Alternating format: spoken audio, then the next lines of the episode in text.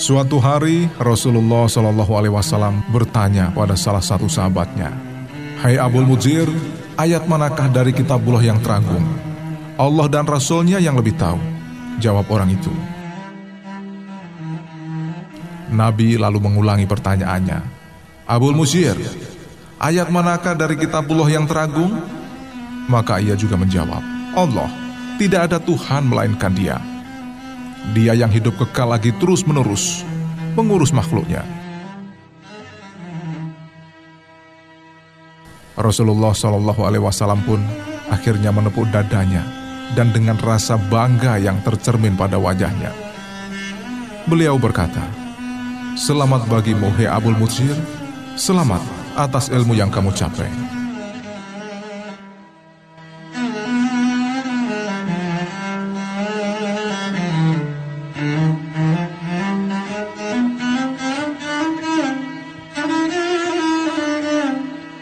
Abul Mutsir yang mendapat ucapan selamat dari Rasul yang mulia atas ilmu dan pengertian yang dikaruniakan Allah kepadanya itu, tiada lain adalah Ubay bin Ka'ab.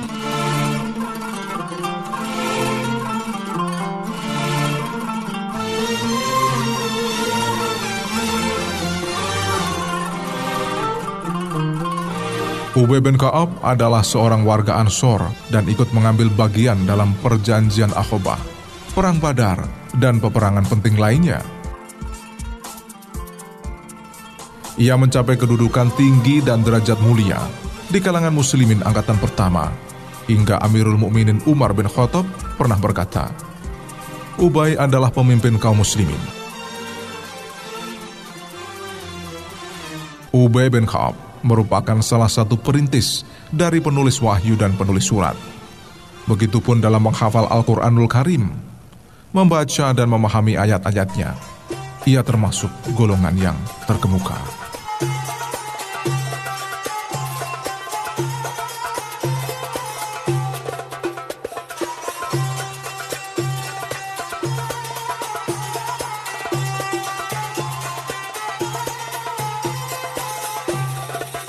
Pada suatu hari, Rasulullah Shallallahu Alaihi Wasallam mengatakan kepadanya, Hai Ubay bin Kaab, saya dititahkan untuk menyampaikan Al-Quran kepadamu.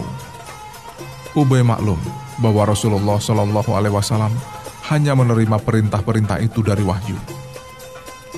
Maka dengan harap-harap cemas, ia menanyakan kepada Rasulullah, Wahai Rasulullah, ibu bapakku menjadi tebusan engkau.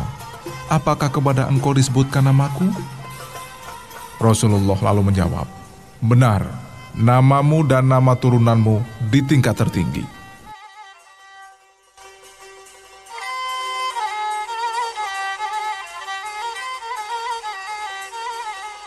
Selama tahun-tahun persahabatan, Ubay bin Kaab selalu berdekatan dengan Nabi Muhammad Shallallahu Alaihi Wasallam. Ia tak putus-putusnya meneguk segala macam ilmu dan pengetahuan.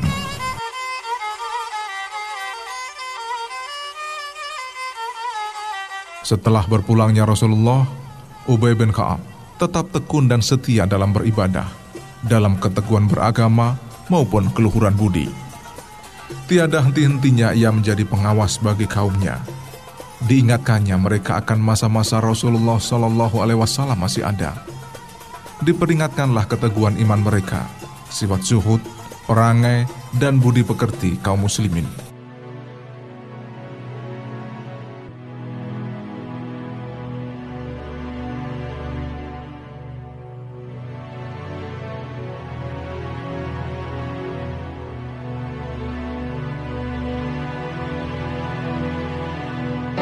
Di antara ucapan-ucapannya yang selalu didengungkannya kepada para sahabat ialah selagi kita bersama Rasulullah Shallallahu Alaihi Wasallam tujuan kita satu.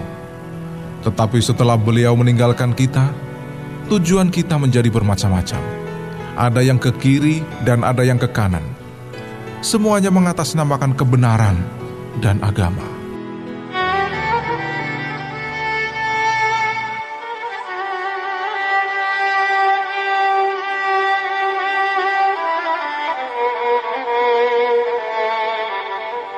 Selama hidup, Ubay bin Ka'ab selalu berpegang pada takwa dan menepati zuhud kepada dunia, hingga tak dapat terpengaruh dan terperdaya.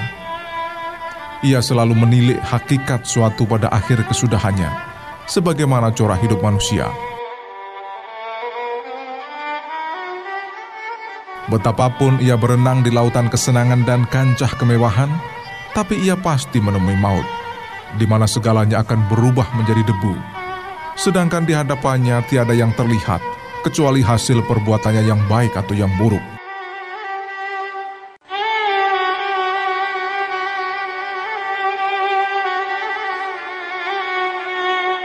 Mengenai dunia, Ubay pernah melukiskannya dengan kata-kata yang sangat luar biasa.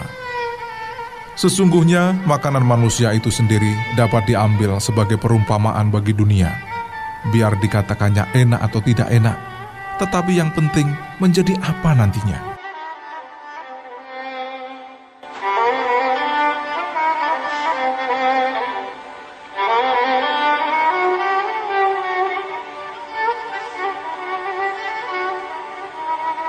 Bila Ubay berbicara di hadapan halayak ramai, maka semua leher akan terulur dan telinga sama terpasang disebabkan terpukul dan terpikat. Apabila ia berbicara mengenai agama Allah, tiada seorang pun yang ditakutinya atau maksud di balik ucapannya itu, kecuali kebenaran.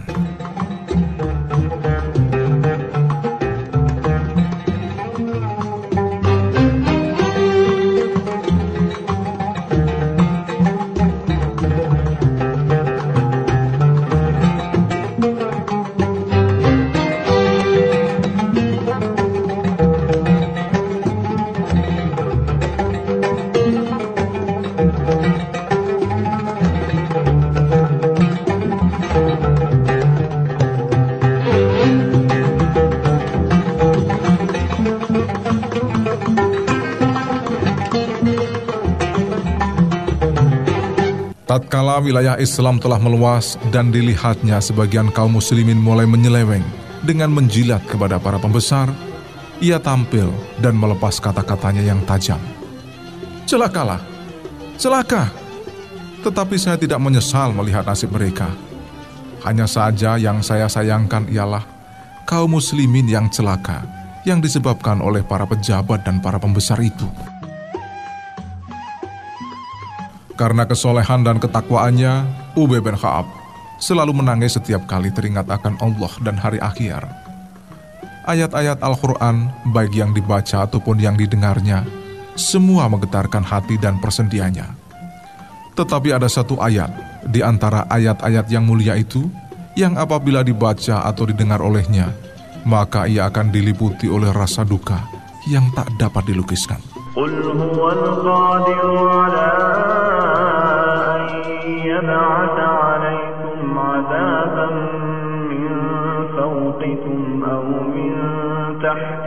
أرجلكم أو من تحت أرجلكم أو يلبسكم شيعا ويذيق بعضكم بأس بعض انظر كيف نصرف الآيات لعلهم يفقهون Katakanlah, dialah yang berkuasa mengirimkan azab kepadamu dari atas kamu atau dari bawah kamu, atau dia mencampurkan kamu ke dalam golongan-golongan yang paling bertentangan dan merasakan kepada sebagian kamu keganasan sebagian yang lain.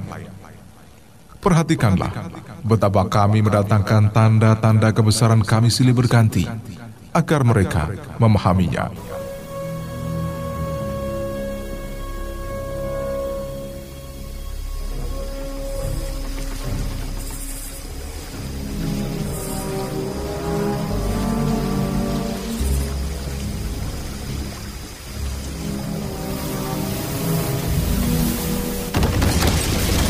Yang paling dicemaskan oleh Ubay terhadap umat Islam ialah datangnya suatu generasi umat yang saling terpecah dan berselisih di antara sesama mereka.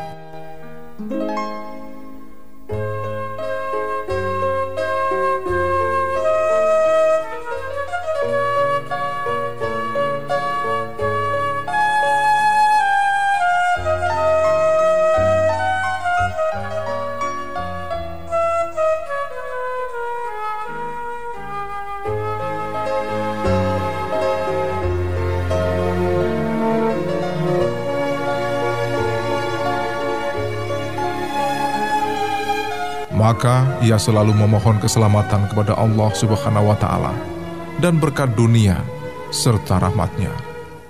Hal itu akhirnya dapat diperolehnya. Ubay bin Khaab menemui Allah Subhanahu wa taala dalam keadaan beriman, aman, tentram, dan memperoleh pahala.